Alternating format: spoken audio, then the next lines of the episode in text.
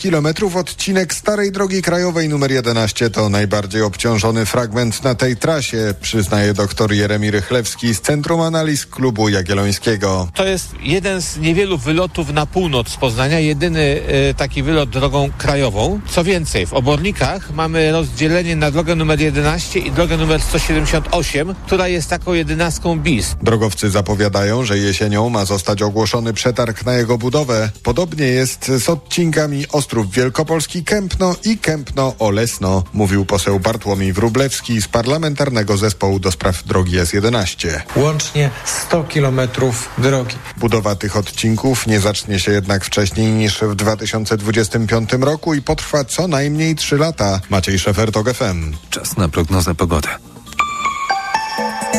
Pogoda. W dzień na południu i krańcach północno-wschodnich bez opadów, na pozostałym obszarze z przelotnymi opadami deszczu, miejscami też możliwe burze. Nad morzem najchłodniej od 23 do 25 stopni, do 26 na północnym wschodzie i w rejonach podgórskich Karpat, około 30 na przeważającym obszarze kraju, do 32 na zachodzie. Radio TOK FM. Pierwsze radio informacyjne. Reklama. Letnie orzeźwienie i moc oszczędności w litru. Tylko w poniedziałek.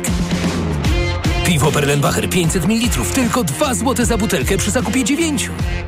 Piwo Żubr jedynie 2,40 za puszkę 500 ml przy zakupie 6 paku. A piwo Heineken 2,50 za butelkę przy zakupie 15. Dla takich okazji zakupy robi w Lidlu. Alkohol tylko dla pełnoletnich. Lidl. Reklama. Seks Audycja. Rozpoczynamy kolejną seks audycję. E, Przed mikrofonem Robert Kowalczyk. E, Dziś będziemy rozmawiać o populacji LGBTQIA. W kontekście zdrowia seksualnego, e, zdrowia psychicznego, e, gościnią dzisiejszej audycji jest Anna Wiatrowska. Psycholożka, psychoterapeutka, współpracująca z Instytutem Splot, ale też mająca swoje doświadczenie współpracy międzynarodowej. Dzień dobry, Aniu. Cześć, dzień dobry. Powiedz proszę o tym miejscu. Pracuję również w Berlinie w takim projekcie, który się nazywa Queer Leben. I to jest taki projekt, który mm, wspiera osoby transpłciowe, które znajdują się w takich kryzysowych sytuacjach, głównie młode osoby i ich rodziny. To ciekawe doświadczenie, bo doświadczenie międzynarodowe. Do tego wrócimy e, w trakcie dzisiejszej e, audycji. Oczywiście można komentować nas poprzez media społecznościowe. Znajdą nas Państwo pod nikiem Seks Audycja na Instagramie czy na Facebooku. Oczywiście można też do nas pisać na adres seksmałpa.tok.fm. E, powiedziałem, że będziemy dzisiaj rozmawiać o osobach pacjenckich z populacji LGBTQIA, e, które przychodzą do psychologów, seksuologów, terapeutów e, i, szuku, i szukają podpowiedzi, odpowiedzi, e, jeżeli chodzi o pytania. I teraz mam pytanie do Ciebie w kontekście Twojego doświadczenia. Jak widzisz, czy rzeczywiście tą populację, o której wcześniej wspomniałem, dotykają szczególne problemy? Czy jest sens w ogóle wyodrębniać tą populację? Em, jasne, myślę, że to, co na początku warto powiedzieć, to to, że em, psychologia jest przesiąknięta takim cis-heteronormatywnym spojrzeniem na świat, em, co oznacza, że taka wiedza, która jest nam typowo przekazywana na temat wszystkich osób, jest w tych ramach cis-płciowych i heteroseksualnych. Em, I żeby tak naprawdę poznać osobę, która wpisuje się w spektrum LGBTQIA, potrzebujemy nowych słów, nowych koncepcji, nowych ram, tak żeby uważnić doświadczenie tej osoby i też zrozumieć, w jaki sposób to doświadczenie dyskryminacji, doświadczenie e, tożsamości, które znajduje, znajduje się na marginesie, w jaki sposób to przekłada się na zdrowie psychiczne i zdrowie seksualne. Mhm. Ale mówisz o e, psychologii, seksuologii, psychiatrii, e, która mm, była, czy która jest? Bo ja się zastanawiam, na ile to, o czym mówisz, e, trochę odchodzi do przeszłości, że teraz e, w ramach tych studiów e, lekarskich, e, studiów psychologicznych, czy też na kursach psychoterapeutycznych porusza się wątki związane z seksualnością. E, chciałabym, żeby tak było, ale postawiłabym hipotezę, że tak nie jest. E, Mhm. Faktycznie skończyłam studia rok temu, e, czyli dosyć niedawno i był to temat prawie w ogóle nieporuszony, Mhm. albo poruszony w bardzo taki medykalny sposób, w, taki, Mhm. w takim sensie, że medycznie się do tego bardzo podchodziło, w szczególności do transpłciowości, albo tak naprawdę w głównej mierze temat przemilczany, czyli temat, do którego, który się ignorowało. Mhm. Ty mówisz o studiach w Polsce czy Tak. w Niemczech? Tak, mówię o studiach na UW. Mhm. Czyli Uniwersytecie Warszawskim. Tak. E, a powiedz mi proszę, bo e, też wiem, że mm, uczyłaś się w e, Niemczech, w Berlinie. Tak. Tam podobnie jest, to tak studia też są prowadzone? Mm, Ja studiuję Gender Studies y, w Berlinie i to jest kierunek, który jest ym, skupiony właśnie na takich tematach, więc trochę trudno byłoby mi oceniać psychologię w Niemczech, bo ona na pewno wygląda zupełnie inaczej. Ym, ciężko jest porównać Gender Studies do psychologii, bo Gender Studies to jest faktycznie taki temat, który skupia się na tym, nie? Skupia się na tożsamościach, które są na marginesie w społeczeństwie. Więc tam jest tego dużo. Mhm. A powiedz mi proszę, bo e, mówimy o specyfice populacji. Co dla ciebie jest związane ze specyfiką e, populacji? Ja myślę sobie głównie o dwóch rzeczach. Myślę sobie o poszukiwaniu swojej tożsamości, czyli że każda osoba, która jest LGBTQIA, przechodzi przez proces odkrywania swojej tożsamości, czyli najpierw przez proces odrzucenia albo tożsamości heteroseksualnej, albo cispłciowej, albo tego i tego, i przez proces szukania swojej tożsamości za pomocą innych ram, innego słowa. Em, to jest duży temat, bo większość osób, która jest e, queerowa, czyli która jest LGBTQIA+, mm, nie dorasta ze znajomością, y, jakby z wiedzą tego, że mogą być takie, jakie są. Dopiero w, na późniejszych stadiach swojego życia odkrywają słowa, dzięki którym mogą opisać swoje doświadczenie, albo odkrywają, że są inne osoby, które doświadczają rzeczy takie, jak one tego doświadczają. E, To jest pierwsza rzecz. Mm, A druga rzecz, która mi przychodzi do głowy, to jest szeroko pojęte doświadczenie dyskryminacji. E, czyli doświadczenie szeroko poję- pojętej przemocy, e, zarówno słownej, jak i fizycznej, jak i takiej symbolicznej, tylko, czyli mm, tego, że nie jest się reprezentowanym w popkulturze, tego, że mm, na temat ciebie jest dużo żartów, na przykład.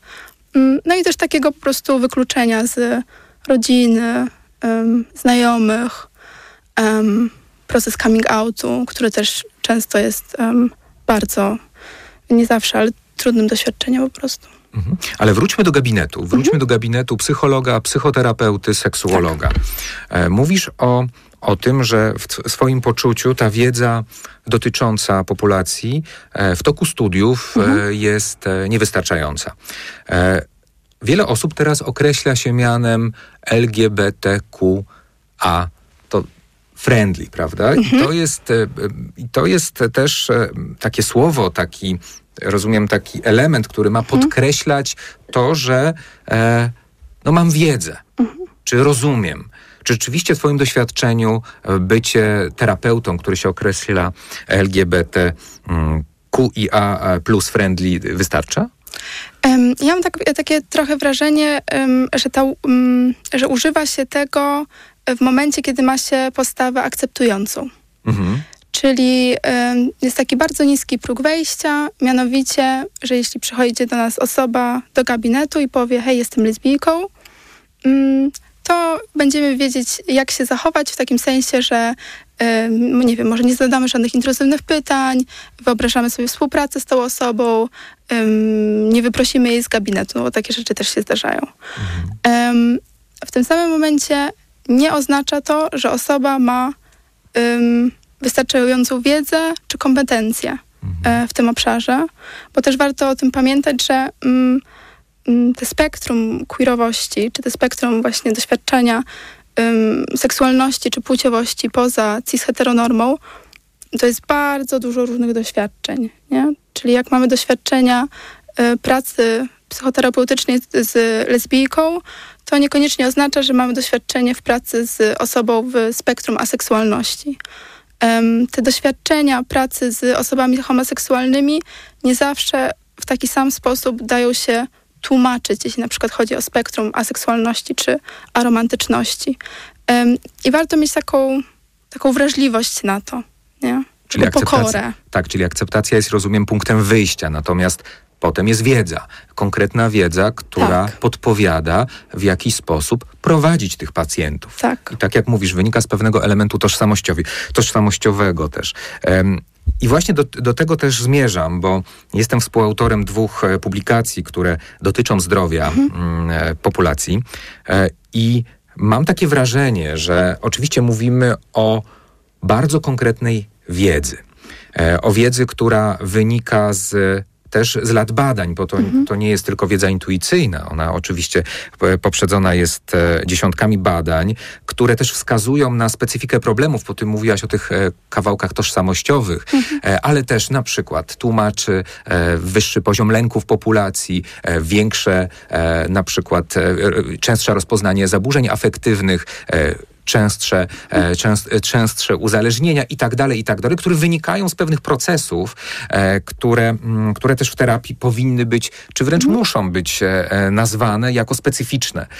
I mówienie, że one nie dotyczą, te, jak, jakby ich nie ma na przykład w gabinecie, też nie do końca jest prawdą, bo tak jak mówisz, ta domyślna heteroseksualność, czy domyślna cispłciowość, taki ten hetero-cis matrix, jest czymś tak oczywistym, że też my jako terapeuci też tak, tę tą rzeczywistość w pewnym sensie tak e, zaczynamy e, traktować.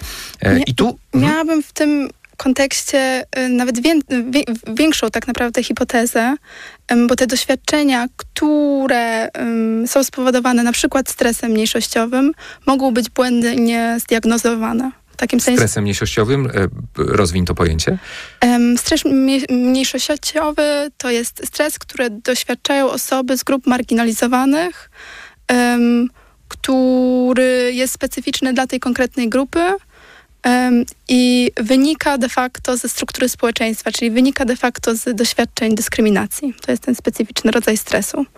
Em, I badania pokazują, że stres mniejszościowy i objawy, które się wiążą z w związku z doświadczeniem stresu mniejszościowego mogą być błędnie zdiagnozowane na przykład jako zaburzenie osobowości z pogranicza, tak zwany borderline.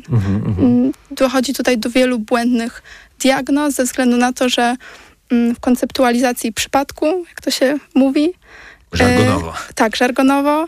E, nie uwzględniamy tych specyficznych doświadczeń, które ma ta osoba. Jakoś taką, e, no nie wiem, zmienność nastroju, błędnie diagnozujemy jako właśnie mm, zaburzenie osobowości z pogranicza. E, I to wychodzi też w badaniach, nie? czyli statystycznie em, na przykład osoby transpłciowe są częściej diagnozowane z tym zaburzeniem, mimo że istnieje dużo analiz, które wykazują, że to się lepiej tłumaczy zarówno dysforią płciową, jak i stresem mm, mniejszościowym. Mhm. To jest taka tendencja też do patologizacji Tak, pewnych e, tak, zachowań. dokładnie. Ale wracając jeszcze do tego gabinetu i do doświadczeń e, hetero-cis matrixu, e, Mhm. mówiłaś o dyskryminacji e, i oczywiście dyskryminacja może przyjmować e, różne formy, nawet e, e, dla wielu osób nieświadomie e, dyskryminują. E, I tutaj e, pojęcie mikroagresji się wydaje dość, e, dość ciekawym pojęciem, które e, warto e, wprowadzić. E, czyli też z tego spektrum e, uprzedzeń, dyskryminacji, a nawet przemocy. Tak. Em, tak, faktycznie mikroagresje to są takie małe, subtelne komunikaty, które wysyłamy do osób z grup em, marginalizowanych. Badania były głównie na, na osobach czarnych w USA. To zostało rozszerzone również na osoby LGBT+. I te mikroagresje, te komunikaty, które wysyłamy, one mogą dziać się zarówno na poziomie niewerbalnym, czyli to może być, no nie wiem, niepatrzenie komuś w oczy, em, takie zakłopotanie, trochę, nie wiem, patrzenie w dół, um, odkrząknięcie w jakimś takim specyficznym momencie, jak osoba opowiada em, o sobie. Em, No jak- tak, ale to zakłopotanie nie może być po prostu zakłopotaniem, że ten temat na przykład jest dla mnie jakiś kłopotliwy i to oznacza automatycznie, że mamy do czynienia z mikroagresją? To jest właśnie taka cecha ogólnie tych mikroagresji, że e, trochę trudno jest tutaj do, doszukiwać się tej obiektywnej prawdy ze względu na ich subtelność i ze względu Mhm. na taką, ta, na to, że ta sytuacja może być w taki mnogi sposób zinterpretowana, a, ale faktycznie trochę tak jest, że to, że my w jakiś sposób y, coś przeżywamy i jesteśmy zakłopotani i to można jakby em, w logiczny sposób wytłumaczyć, dlaczego w taki sposób się y, zachowaliśmy, em, nie zmienia faktu, że wpływ tego, co my zrobiliśmy na tą drugą osobę był mikroagresywny, tak? Jasne. E, A wracając jeszcze do przykładów, bo mm, jak dyskutowaliśmy wcześniej i też jak przygotowywaliśmy artykuł, jak przygotowywaliśmy artykuł do e, psychologii w praktyce, to tam ten wątek nawet e, rozwinęliśmy na takim e, dobrotliwą dyskryminację, czyli tak jak, jak jest dobrotliwy seksizm, e, czyli coś w dobrej intencji e, powiedziane, w jakiś sposób rozwinięte i takie no, dobrodusznie w, w, w czyimś poczuciu właśnie wyartykułowane, może być, może być przejawem agresji. Tak.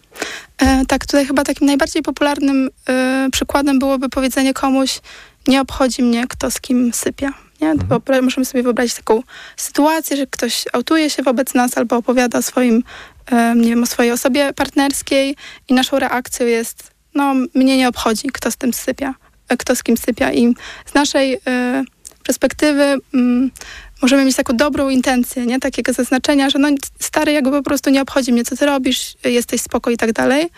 Mm, No ale w tym samym momencie ten komunikat, który my wysyłamy, to, mm, to jest z jednej strony trochę unieważnienie tożsamości tej osoby i doświadczeń, których tych y, osoba, które ta osoba ma. Mm, No a z drugiej strony też trochę zamknięcie tematu, nie? Bo skoro ciebie nie To jak obchodzi... to powiedzieć w takim razie, mając tą intencję, że e, jakoś nie jest to dla nas istotne, że na przykład ważność tej osoby jest Mhm. e, dla nas, e, a nie jakie podejmuje zachowania. Em, na przykład dziękuję, że się ze mną tym dzielisz. Nie? Czyli jakieś takie em, uważnienie tego, co zostało powiedziane. Też można się podzielić, że to ważne jest dla mnie. Nie? Że, że mówisz to, że czuję się jakąś osobą ważną dla ciebie przez to. Jakiś inny przykład? Taka mikroagresja, z którą ja się dosyć często spotykam, to jest em, kiedy doświadczenie w spektrum aseksualności, aromantyczności jest e, definiowane jako patologia, w takim sensie, że jest taka próba znalezienia powodu, dlaczego osoba doświadcza siebie, jak doświadcza. Tak? Czyli jest dogłębnie analizowana relacja z matką, dogłębnie e, analizowana relacja z ojcem, em, jest szukany jakiś powód, dlaczego osoba nie doświadcza pociągu seksualnego albo romantycznego. Ale to samo jest w orientacji.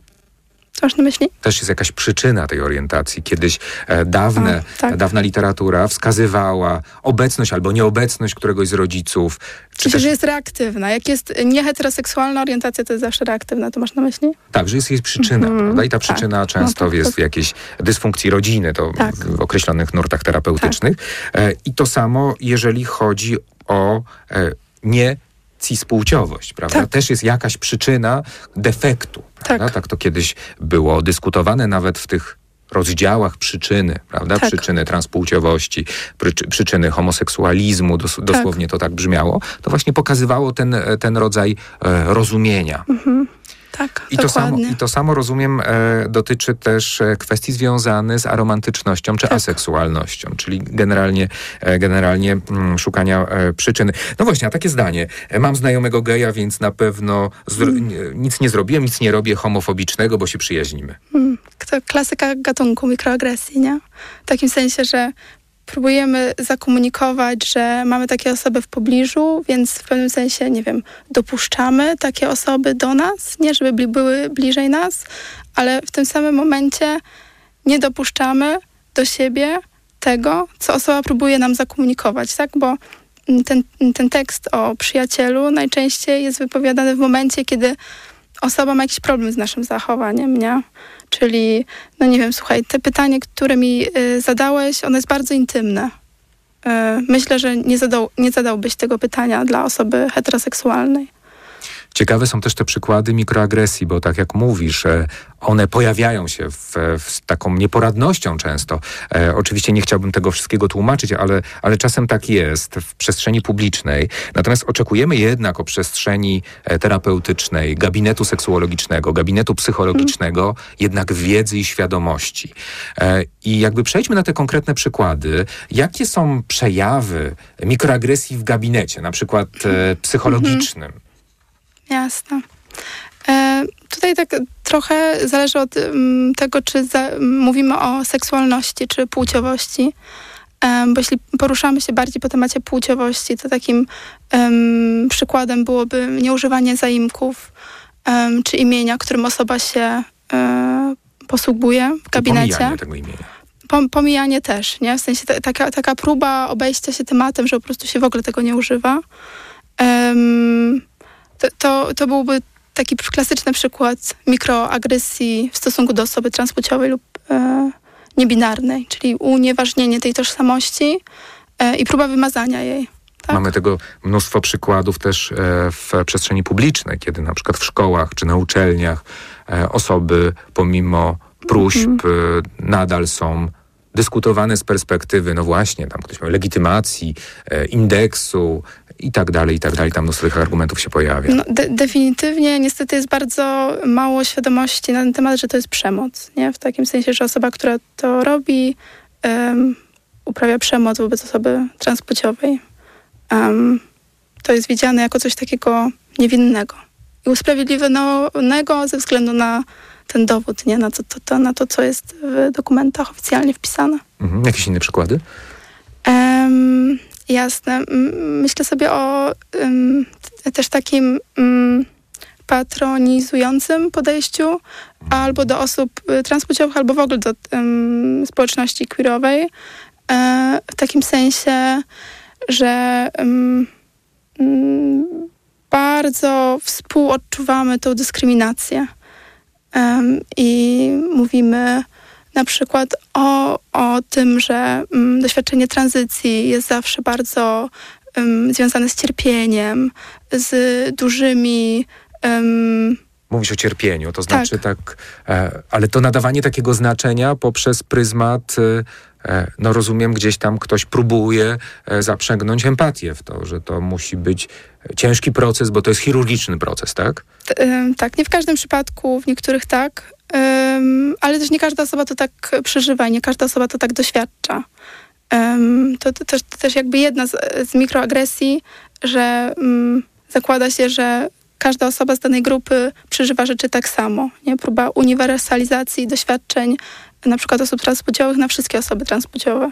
Czyli wam jest trudno. Tak, wam jest trudno, bo żyjecie w tym kraju i doświadczacie dużo cierpienia. No ale, ale, ale homofobia, transfobia jest też faktem. Tak, systemowym. A to, jak doświadczamy tego na poziomie jednostki, może się bardzo różnić. I um, jak jesteśmy w gabinecie, to jesteśmy zawsze z osobą, która jest w pewnym systemie, ale to, jak doświadcza osoba tego kontekstu, w którym się znajduje, to jest bardzo indywidualne. Tak. Jakiś jeszcze przykład? Um, myślę o takich intruzywnych pytaniach, czyli pytaniach, y, które, których byśmy normalnie nie zadali, które może trochę zadajemy bardziej z miejsca naszego, naszej ciekawości. E, na przykład nigdy nie pracowaliśmy z lesbijką albo nigdy nie pracowaliśmy z osobą poliamoryczną i ten temat e, wzbudza w nas jakiś taki, taką ciekawość połączoną z entuzjazmem i zaczynamy się dopytywać. I tak e, w momencie, kiedy gabinet to jest miejsce, gdzie zadaje się ogólnie bardzo dużo pytań i są nurty, które składają się głównie z zadawania pytań. E, tak w tym samym momencie jest pewna granica, kiedy zadajemy pytania z myślą o dobru pacjenta, a zadajemy pytania, bo nas coś ciekawi, nie? W sensie, bo tak, o, jeszcze takie nigdy osoby... No trochę tak, nie? W takim sensie, że nigdy takiej osoby może w swoim życiu nie poznaliśmy i jesteśmy tacy tak spełniamy trochę naszą potrzebę, nie? Takiego... To ciekawe. E, a jeżeli Państwo mają jakiekolwiek e, pytania, albo na przykład mają Państwo e, swoją refleksję czy doświadczenie z gabinetu i chcieliby Państwo się tym podzielić, to oczywiście można do nas pisać przez media społecznościowe, seks, audycja tam Państwo nas znajdą e, pod hasłem Seksaudycja na Facebooku czy Instagramie i oczywiście też można do nas pisać maila na adres seksmałpatok.fm, a pytania, e, pytania również można e, zadawać, nie tylko komentować. My wykorzystujemy te pytania do kolejnych audycji, konstruując te audycje i szukając wspólnie z Państwem na nie odpowiedzi. Wspomniałaś o tym, że gabinet jest taką przestrzenią, gdzie jednak powinny e, obowiązywać pewne ściśle określone e, reguły i mówiłaś o tym, żeby oddzielić to, co jest taką e, ciekawością i nawet podbije to jakąś niezdrową ciekawością, mhm. a co jest jednak związane z bardzo określonym pytaniem, które ma dać nam tą odpowiedź, która w rezultacie ma być dla pacjenta użyteczna. Jakie jeszcze ze swojego doświadczenia czy z literatury przykłady mikroagresji mogłabyś rozwinąć o nich opowiedzieć? Ja myślę sobie o takim bardzo powszechnym doświadczeniu, które myślę, że wiele osób y, doświadczyło w gabinecie. I to jest zakładanie cispłciowości i heteroseksualności. Czyli jak przychodzi do nas mężczyzna, to y, pytamy o to, czy ma partnerkę. Wychodzimy z założenia, że jest w heteroseksualnym związku. Mhm. Ja bym jeszcze podbił to na przykład to, że mówi, że ma na przykład żonę, to nie mhm. oznacza automatycznie, że jest osobą heteroseksualną. Dokładnie, tak. I myślę, że y, to jest powszechne, bo to jest takie um, kolkwalnie w taki sposób się um, myśli o osobach i to przenika do gabinetu. Nie myślimy o zadawaniu otwartych pytań w taki sposób, żeby była możliwość na to, że osoba doświadcza siebie w różny sposób, a zadajemy pytania zamknięte. Nie? Czyli takie trochę z testu. Tak, tak, tak mamy tak, bardzo zamknięte tak. Odpowiedzi. No tak. niektóre nurty czy kwestionariusze jednak operują e, bardzo określą, e, określoną kafeterią odpowiedzi. E, i rozumiem, że to e, nie do końca, po, tak, po, porozmawiamy chwilę o kwestionariuszach mm, wykorzystywanych do badania seksualności, hmm. czy kwestii związanych z osobowością, czy jakimiś cechami, e, cechami osobowości.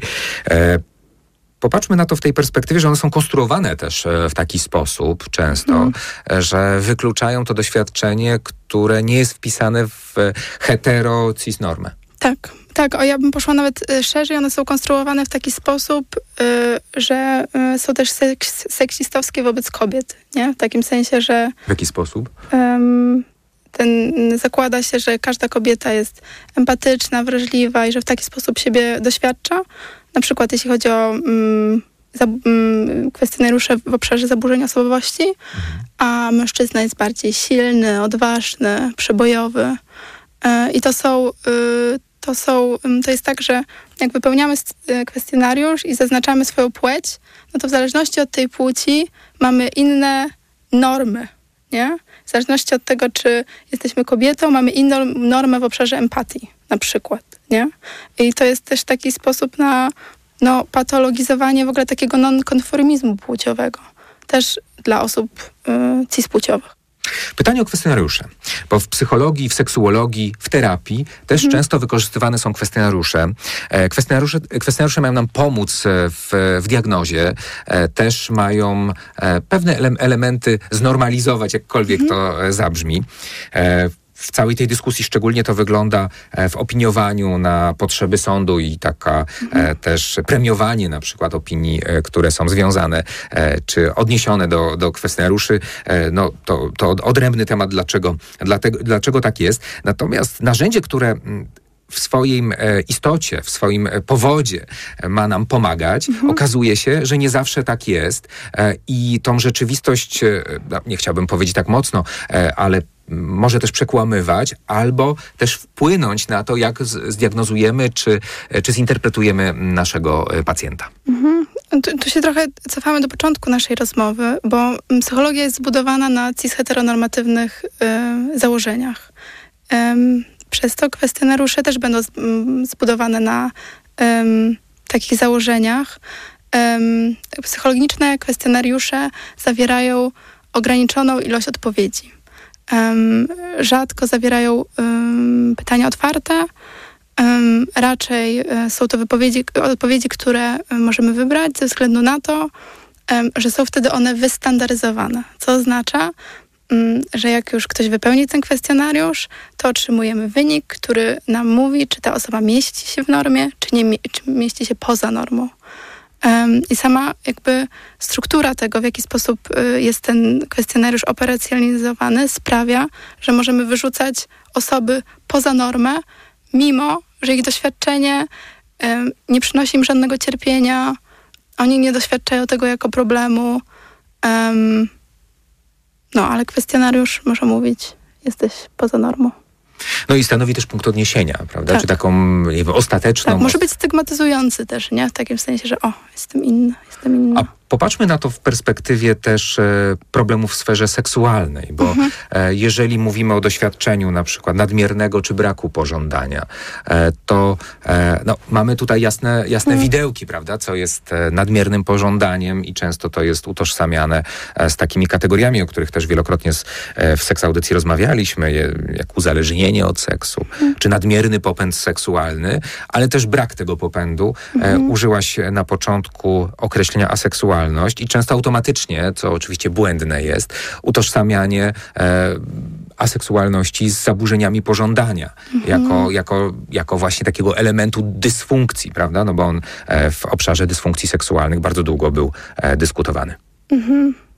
Tak. I też patrząc, e, patrząc na to, e, właśnie jeżeli byśmy, nie wiem, tylko popatrzyli przez pryzmat e, takiej skali, która określa pożądanie bez właśnie tego mhm. kontekstu, e, moglibyśmy powiedzieć, o, mamy osobę z dysfunkcją, ma ta osoba, nie ma pożądania, więc w związku z tym musimy zrobić wszystko, żeby to pożądanie wróciło, chociaż tak jak mówisz, ta osoba może nie w tym obszarze nie przeżywać cierpienia, nie czuć tego e, mhm. jako, jako elementu dysfunkcji, natomiast o, mamy tutaj rozpoznanie. Mhm. Czyli de facto też nieświadomie stosować terapię konwersyjną.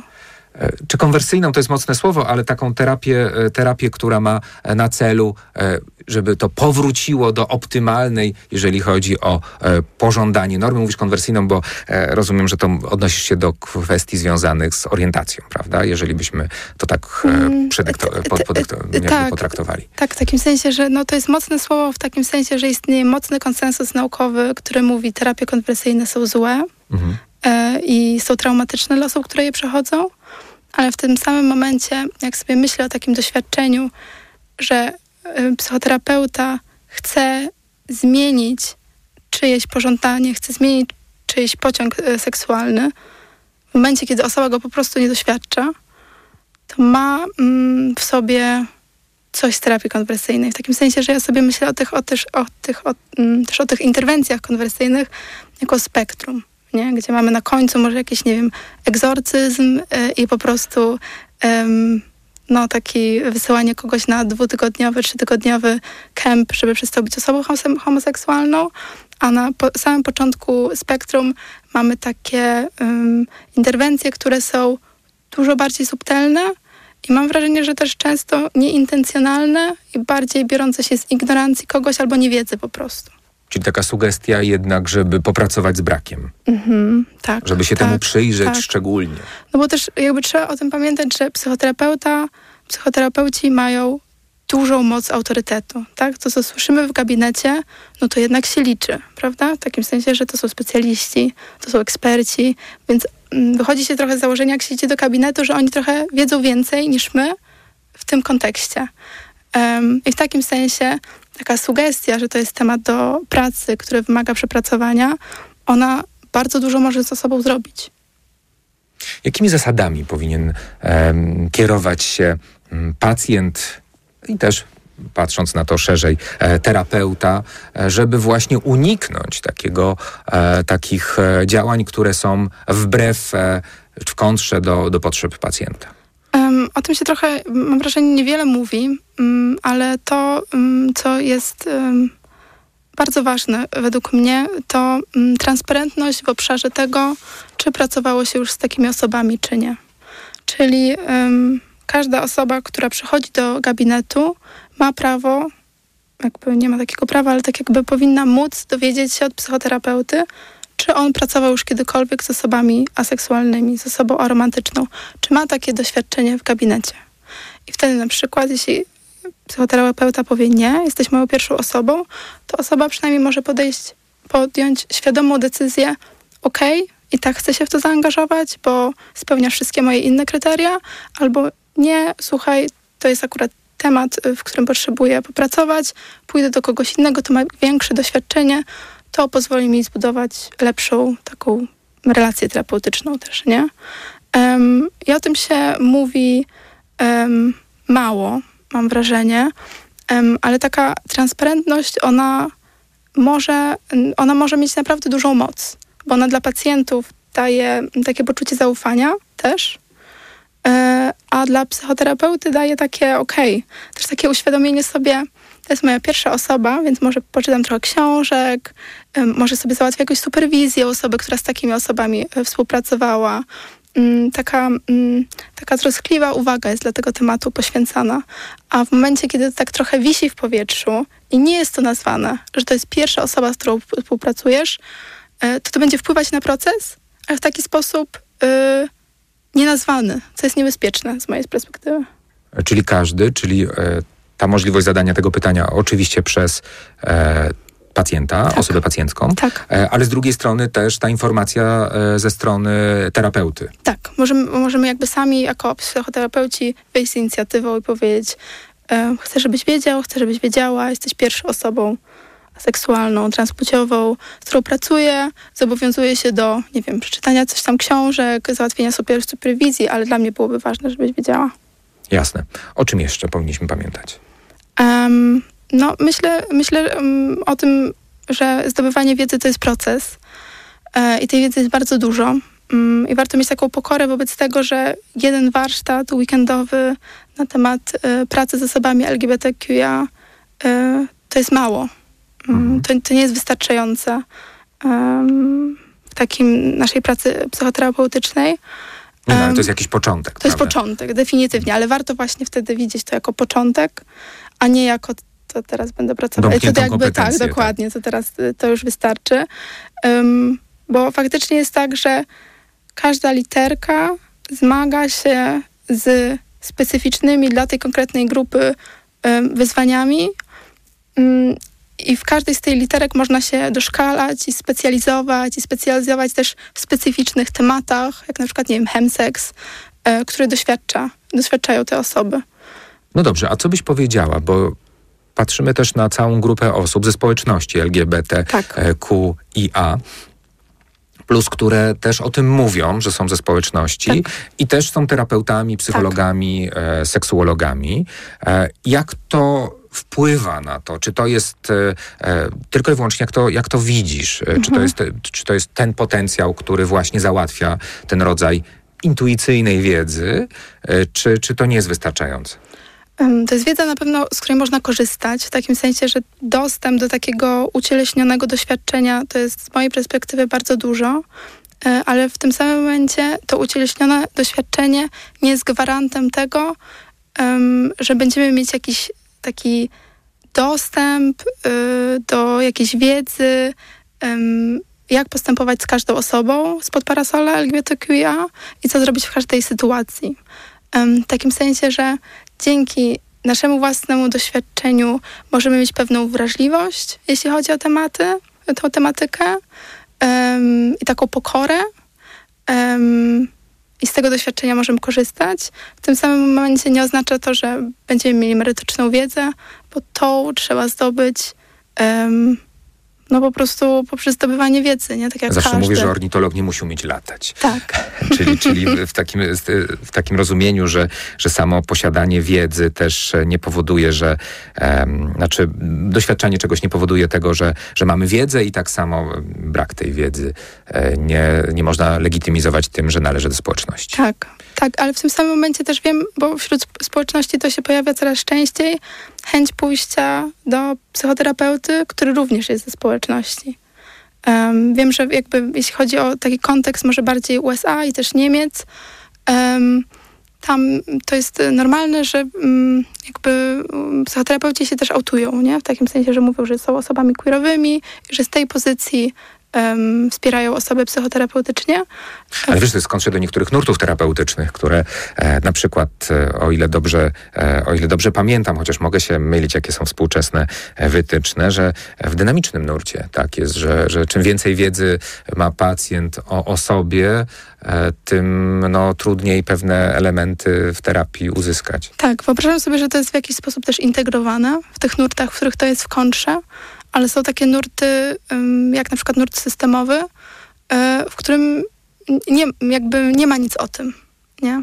E, I to jest trochę też twój własny wybór jako psychoterapeuty, w jaki sposób chcesz podejść do tego e, tematu. No są też tam takie wątki, które są e, związane ze specyfiką, bo mówimy o e, dyskryminacji, homofobii, natomiast to też nie jest tak, że e, e, jakby przynależność do społeczności impregnuje na te elementy, bo e, to jest tak, że osoby ze społeczności mogą dyskryminować inne osoby ze społeczności e, świadomie lub mniej świadomie.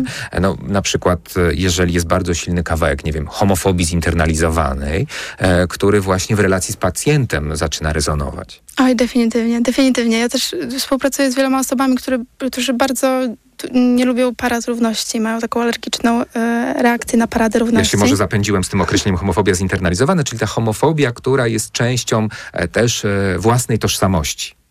I ona e, dotyczy, e, no, tu akurat użyłem określenia homofobii, e, no, może dotyczyć każdego, nawet osoby, która, która jest przedstawicielem tej społeczności. Czyli sam fakt bycia osobą nieheteroseksualną nie, nie impregnuje na, na, na homofobię. Definitywnie nie. nie. I też na dyskryminację wobec innych grup. W sensie osób transpłciowych na przykład, nie? To się zdarza bardzo, w sensie ta dyskryminacja wewnątrz y, osób queerowych. Mhm. E, I ona też się może przekładać na pewne wątki, prawda? Mówisz o cispłciowości, prawda? Że tutaj jakieś faworyzowanie tej cispłciowości i pokazywania e, w określony jej sposób, prawda? I, i, i, I też nierozumienia czy, czy ignorowania e, e, właśnie osób, które, które się w ten sposób nie identyfikują. I to samo, jeżeli chodzi o orientację seksualną. Tak.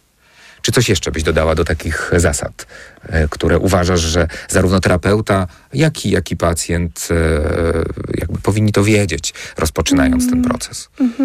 Ja jeszcze sobie myślę o takiej ogólnej zasadzie nie przerzucania edukacji na nasze osoby pacjenckie.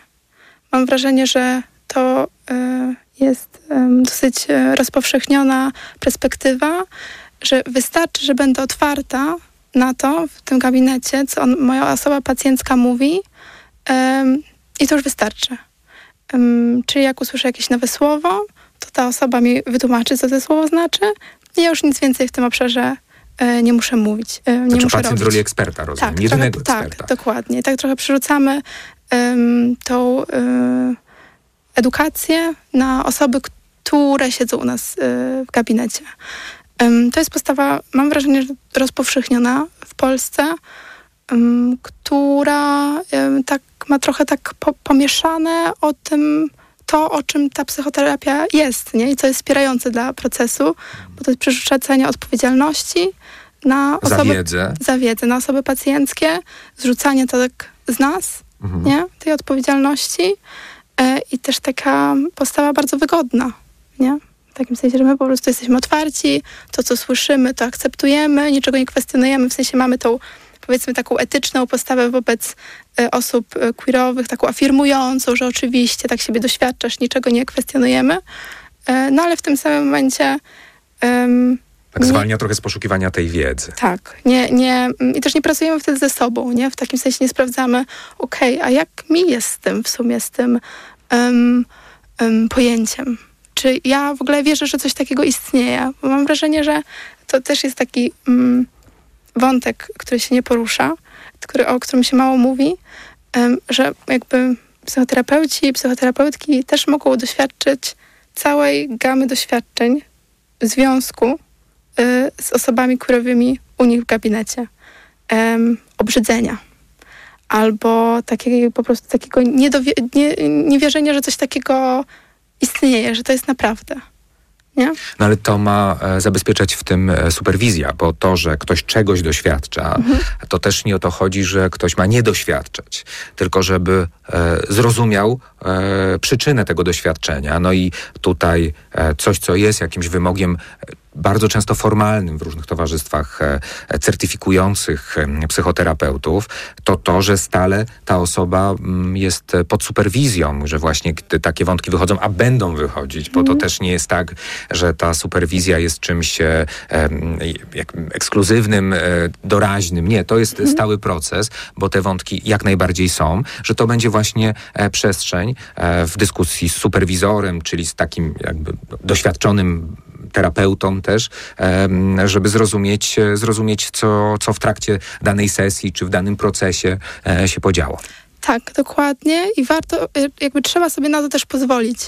E, czyli nie zamykać się na to, że jestem terapeutą przyjaznym dla osób LGBT, i przez to muszę mieć, być, mieć zawsze postawę akceptującą i nie mogę tego doświadczać, tylko właśnie pozwolić sobie na te doświadczenia, mówić o tych doświadczeniach, oczywiście w tych ramach superwizyjnych, a nie z osobą pacjencką, e, po to, żeby je przepracować, bo one inaczej będą wpływały na proces w taki no niefajny sposób, nieświadomy, nie? W dzisiejszej seks audycji rozmawialiśmy o tym, czy bycie e, terapeutą LGBTQ IA friendly wystarczy. Oczywiście e, nie, bo potrzebna jest e, e, bardzo konkretna wiedza. Rozmawialiśmy o specyfice doświadczeń w gabinecie wspomnianej wcześniej populacji. Gościnią naszą była Anna Wiatrowska, psycholog, psycholożka, psychoterapeutka, współpracująca z Instytutem Sprot, ale nie, ale nie tylko mogą Państwo komentować e, poprzez naszą, e, e, poprzez naszego maila, czyli seksmałpatok.fm, oczywiście przez nasze media społecznościowe. Znajdą nas Państwo pod nikiem, nazwą Seks Audycja na Instagramie czy na Facebooku. Dziękuję bardzo za wysłuchanie Seks Audycji i dobranoc. Dobranoc. Seks Audycja. Radio TOK FM. Pierwsze radio informacyjne.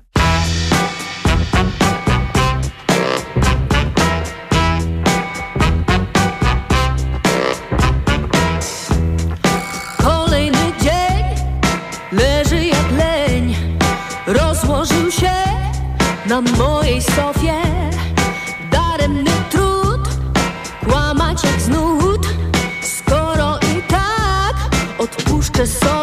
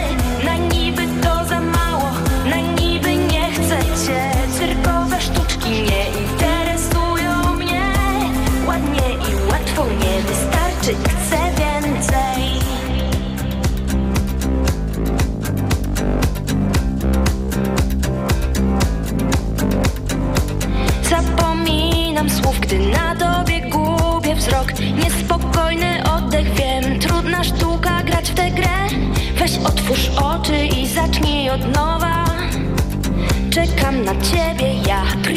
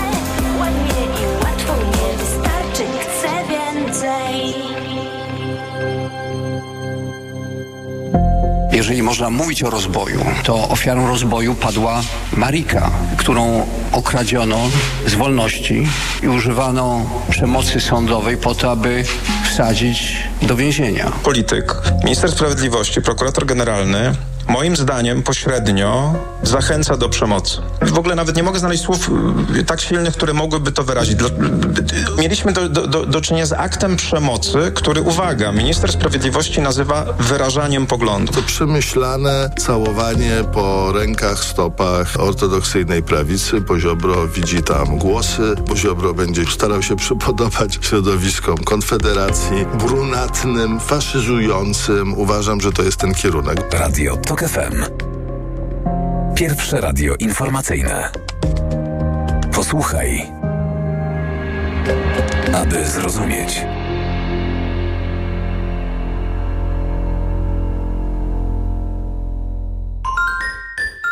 Buty na wysokim obcasie służyły mężczyznom do jazdy konnej już od IX wieku.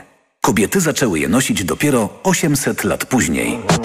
O, w czarek. Od poniedziałku do piątku od dziesiątej. Reklama. Letnie orzeźwienie i moc oszczędności w Lidlu. Tylko w poniedziałek. Piwo Berlenbacher 500 ml tylko 2 zł za butelkę przy zakupie 9. Piwo Żubr jedynie 2,40 za puszkę 500 ml przy zakupie 6 paku. A piwo Heineken 2,50 za butelkę przy zakupie 15. Dla takich okazji zakupy robi w Lidlu. Alkohol tylko dla pełnoletnich. Lidl. Reklama. Radio TOK FM. Pierwsze radio informacyjne.